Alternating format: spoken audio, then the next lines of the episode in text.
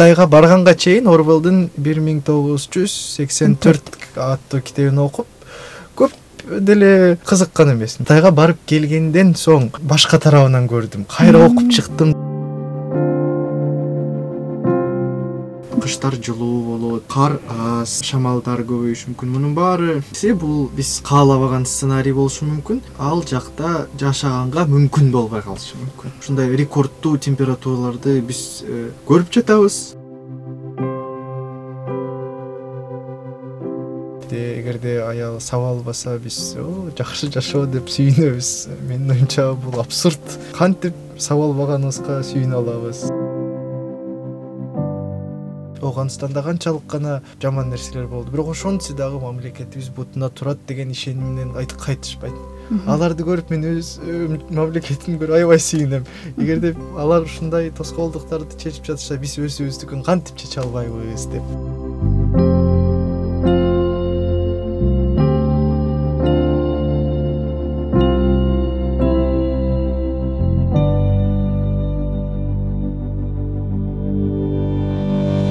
саламатсызбы? Бул азыркы кыргызстандык подкасты жана мен элиза кененбаева.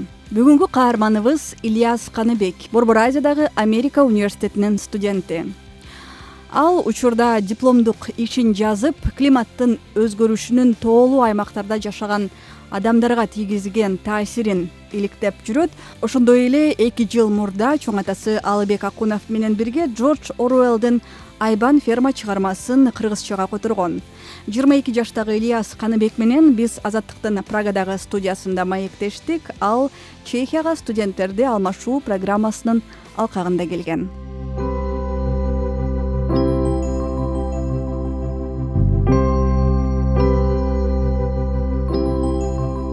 Ильяс кош келипсиң биздин студиябызга. Сен учурда дипломдук ишиңди жазып климаттын өзгөрүшүнүн тоолуу аймактарда жашаган адамдарга тийгизген таасирин иликтеп жатыпсың деген күнүмдүк жашоосуна келечекте кандай көз карашы менен пландарды түзүшөт ошолордун баарын изилдөө? Биз үчүнчү курста окуп жатканда дипломдук ишибизди жана кандай изилдөө кылууну өңсөгөнүбүз жөнүндө айтып берип жана план түзүшүбүз керек. Антропология абдан чоң илим болгондуктан ичинде э, экологиялык антропологияга фокус жасап жана ошол жөнүндө көбүрөөк билим алгым келди. Кыргызстан тоолуу аймак. Көп изилдөөлөр климат өзгөрүшү тоолуу аймактарга эң көп таасир этерин айтып жатышат.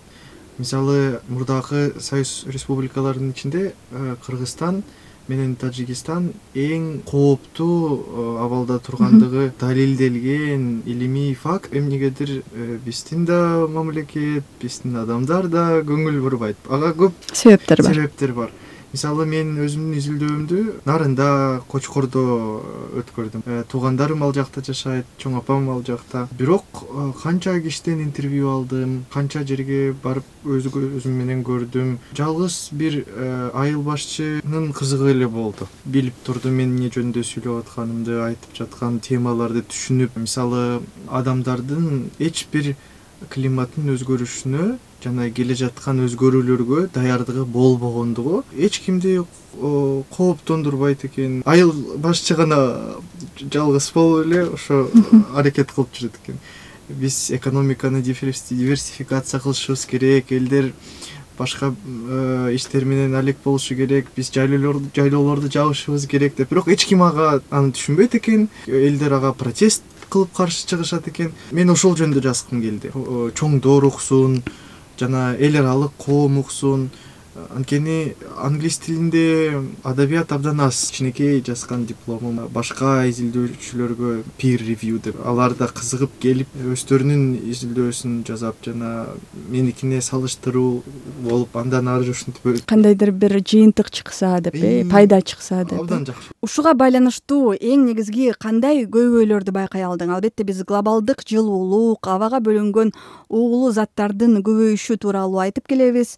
Бирок сен өзүң иликтеп жаткан ошол эле кочкор районунда жашаган элге климаттын өзгөрүшү кандай кедергисин учурда тийгизип жатат суу суу бул эң чоң экинчи бул температура. Кыштар жылуу болот кар аз шамалдар көбөйүшү мүмкүн. Мунун баары биринчиден эң жөнөкөй эле малды бакканга жер менен иштегенге абдан чоң тоскоолдуктарды жаратат. Экинчиси бул биз каалабаган сценарий болушу мүмкүн. Ал жакта жашаганга мүмкүн болбой калышы мүмкүн. Ушундай рекордтуу температураларды биз э, көрүп жатабыз. Жана мындан дагы мүмкүн деп айтуудан биз өттүк жыйырма жыл мурун биз климат өзгөрөбү өзгөрбөйбү деген э, суроолорго жооп берчүбүз. Азыр билими бар түшүнгөн изилдөөчү болуп да кереги жок. Климат өзгөрүп жатат биз көрүп жатабыз. Биз дайыма климаттын өзгөрүшү жөнүндө бул келечекте боло турчу нерсе катары сүйлөйбүз бул болуп атат. Мисалы кочкордо кургакчылык. Канча интервью алдым. Ар бири суу келбейт суу аз бул жылы.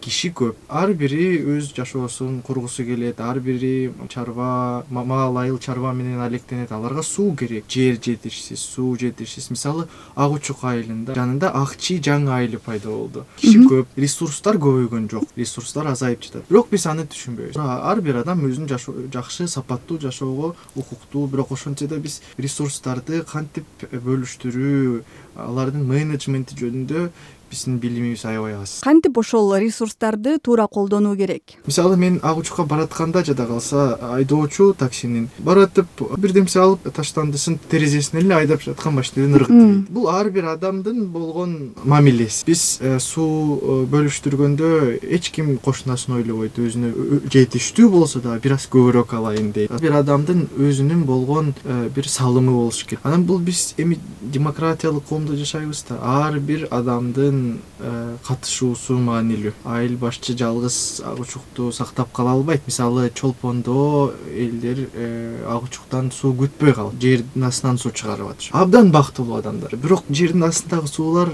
абдан кыска убакытта бүтө берүүнү айыл башчы жалгыз түшүнөт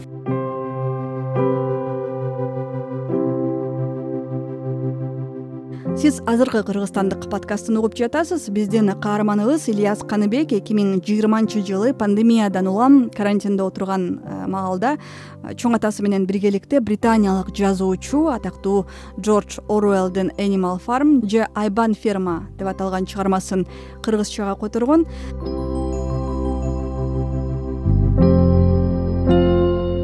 бул менин э, чоң атам алыбек акунов тарых илимдеринин доктору профессордун ою болчу. Анткени мен ошол жылдары философия боюнча концентрация алып университетте көп окуп жаткан болчумун. Анан канчалык кыргызстанга окшош болгон салыштыра баштап мисалы мен кытайда кытайга барганга чейин орвелдин бир миң тогуз жүз сексен төрт аттуу китебин окуп деле кызыккан эмесмин. Кытайга барып келгенден соң башка тарабынан көрдүм. Кайра окуп чыктым да ушунча э, жүрөгүмө мындай менин ойлогон нерселерим кытайда көргөн нерселерим ошол китепте бар. Мисалы мисалы ал китепте big brother is watching деген э, идея бар да. Кытайда камералар көп социалдык система иштейт баардыгы көзөмөлдүү мисалы акыркы э, жылдары кытайда жаңы программа пайда болуп жатат. Социалдык кредит программасы.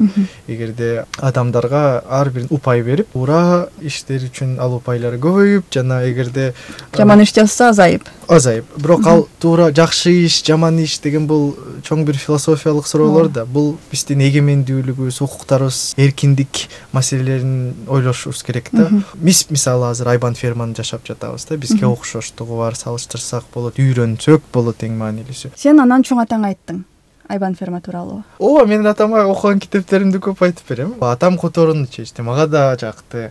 Бир жылга чукул убакытта бүтүрдүк. Чыгармада каармандардын аттарынын айрымдары кыргызчага которулуптур э мисалы танабай дүйшөн телегей дейт.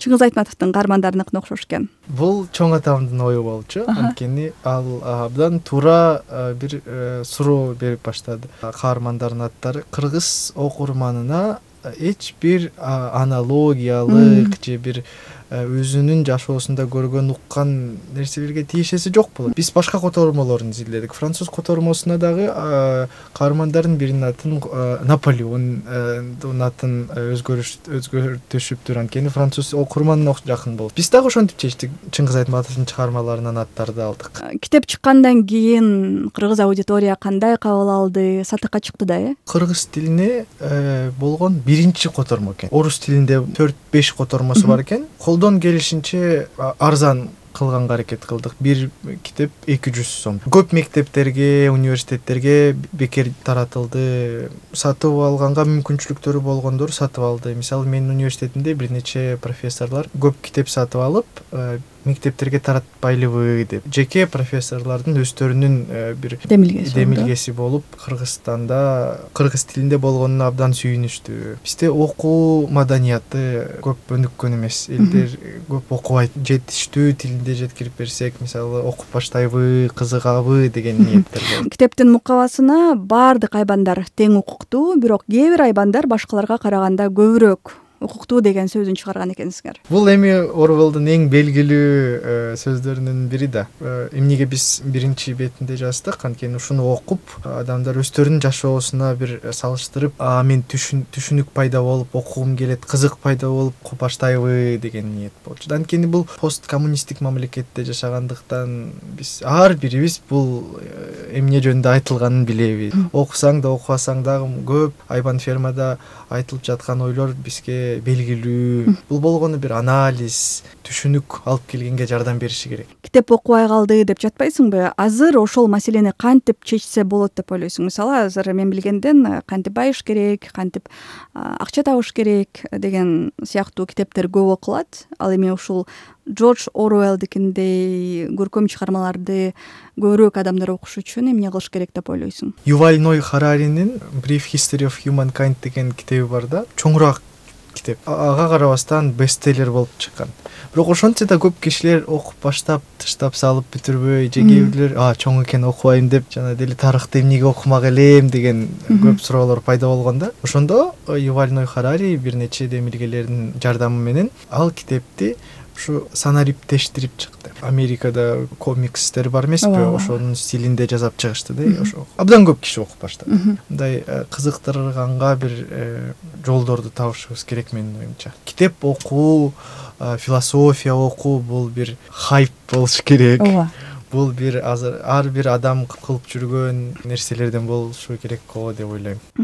Ильяс сени азыр кыргызстанда эмне сүйүндүрөт жана тескерисинче эмне өкүнтөт биздин э, коомдун активдүүлүгү чынында мен абдан э, сыймыктанам. Кайсыл гана тоскоолдуктар болбосун кыйынчылыктар болбосун биз дайыма биригип ыктыярчылык менен э, бири бирибизге жардам берип өзүмчүлдүк болбой баардык эле шаарларда баардык эле мамлекеттерде бар эмес. Кейиткен нерселерден адам укуктары го деп ойлойм. Аял укуктары абдан көп деп эленет эгерде аял сабап албаса биз жакшы жашоо деп сүйүнөбүз менин оюмча бул абсурд. Кантип саба албаганыбызга сүйүнүп алабыз. Укук дегенде биз ушу э, физикалык нерсени эле ойлойбуз да саба алган жокпуз деп. Бирок укук дегенде биздин билим алууга укугубуз бар. Миңдеген балдар мисалы сапаттуу билимге эч бир жолу жок.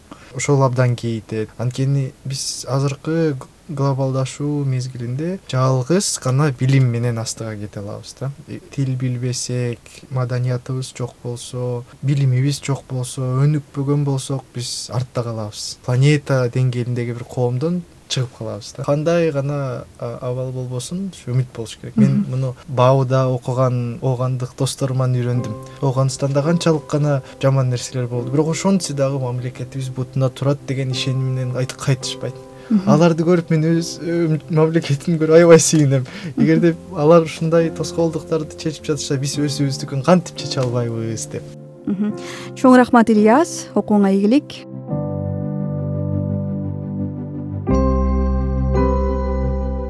сиз азыркы кыргызстандык подкастын уктуңуз. Бүгүнкү каарманыбыз борбор азиядагы америка университетинин студенти. Климаттын өзгөрүшүнүн тоолуу аймактарда жашаган адамдарга тийгизген таасирин иликтеп жаткан ильяс каныбек болду.